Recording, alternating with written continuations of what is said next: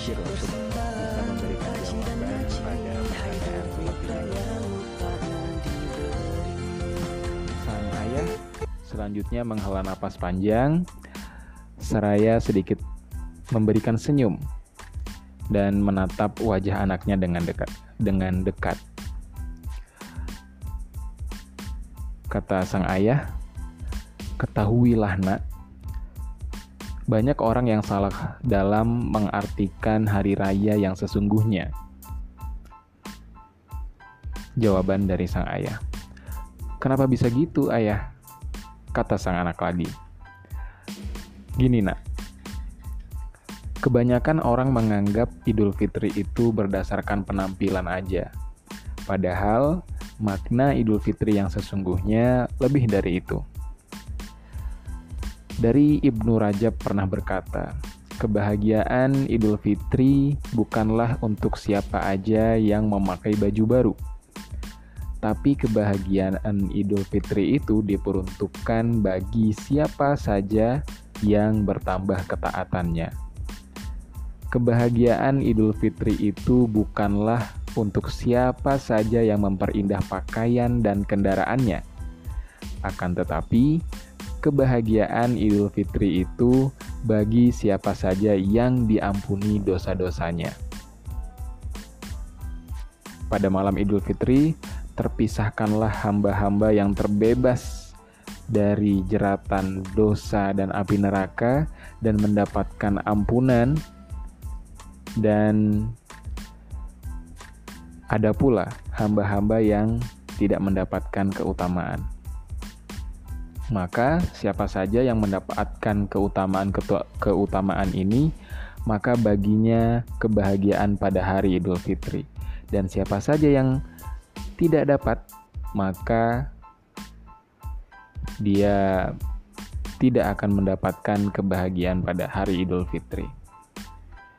Dari jawaban sang ayah tadi, kembali ke pertanyaan yang pernah gue lontarkan di awal awal Ramadan di episode yang gue buat di awal-awal Ramadan bahwa apa yang kita cari selama bulan Ramadan kemarin.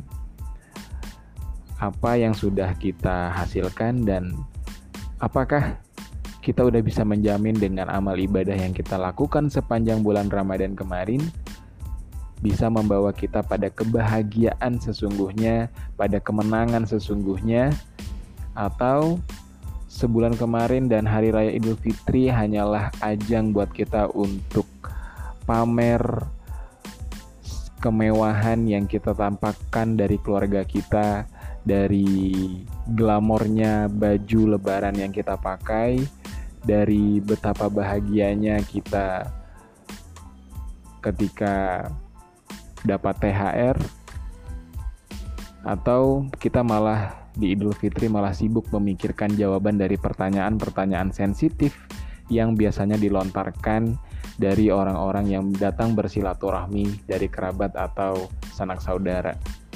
Padahal kan yang namanya kerabat atau sanak saudara yang barangkali lama nggak ketemu dan kangen dan pastinya ingin tahu perkembangan dari sanak saudaranya yang lain, dari sepupunya, dari keponakannya, dari cucunya. Wajarlah kalau bertanya, sudah sampai di fase apa hidup kita? Yang salah kalau memang sengaja untuk mengolok-olok dan meremehkan. Tapi gue yakin nggak sampai setengahnya yang bertanya seperti itu tujuannya memang sengaja untuk kayak gitu jadi santai aja lah. Mending kita lebih sibuk memikirkan apakah kita sudah betul-betul menang di Idul Fitri ini. Puasa kita bukan hanya dapat haus dan lapar aja tapi semua amalan yang kita amalkan dalam bulan Ramadan kemarin bernilai pahala dan dosa-dosa kita juga sudah betul-betul diampuni. Memang nggak ada yang tahu, tapi dari denyutan hati kita pasti merasa seberapa derajat amal ibadah kita yang kita lakukan untuk memanfaatkan bulan Ramadan kemarin. Gue yakin dan percaya mudah-mudahan kita semua diberikan kelapangan dan juga diampuni dosa-dosanya dan diberikan kemenangan yang betul-betul kemenangan sebenarnya di hari raya Idul Fitri tahun ini.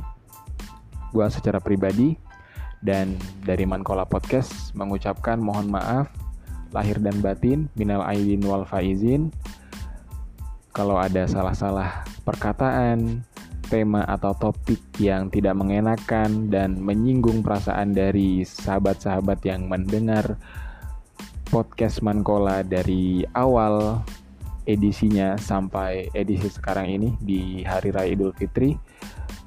Gue ucapkan mohon maaf sekali lagi dan selamat lebaran buat semuanya. Selamat berbahagia, selamat merayakan kemenangan yang sesungguhnya. Selamat Hari Raya Idul Fitri. Wassalamualaikum warahmatullahi wabarakatuh.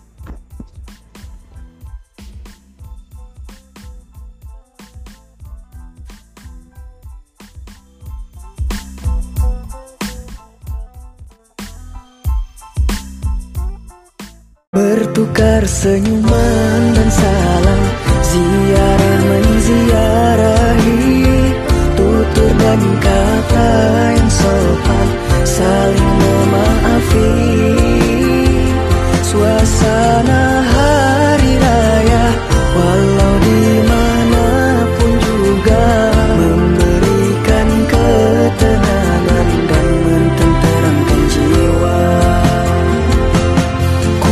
penuh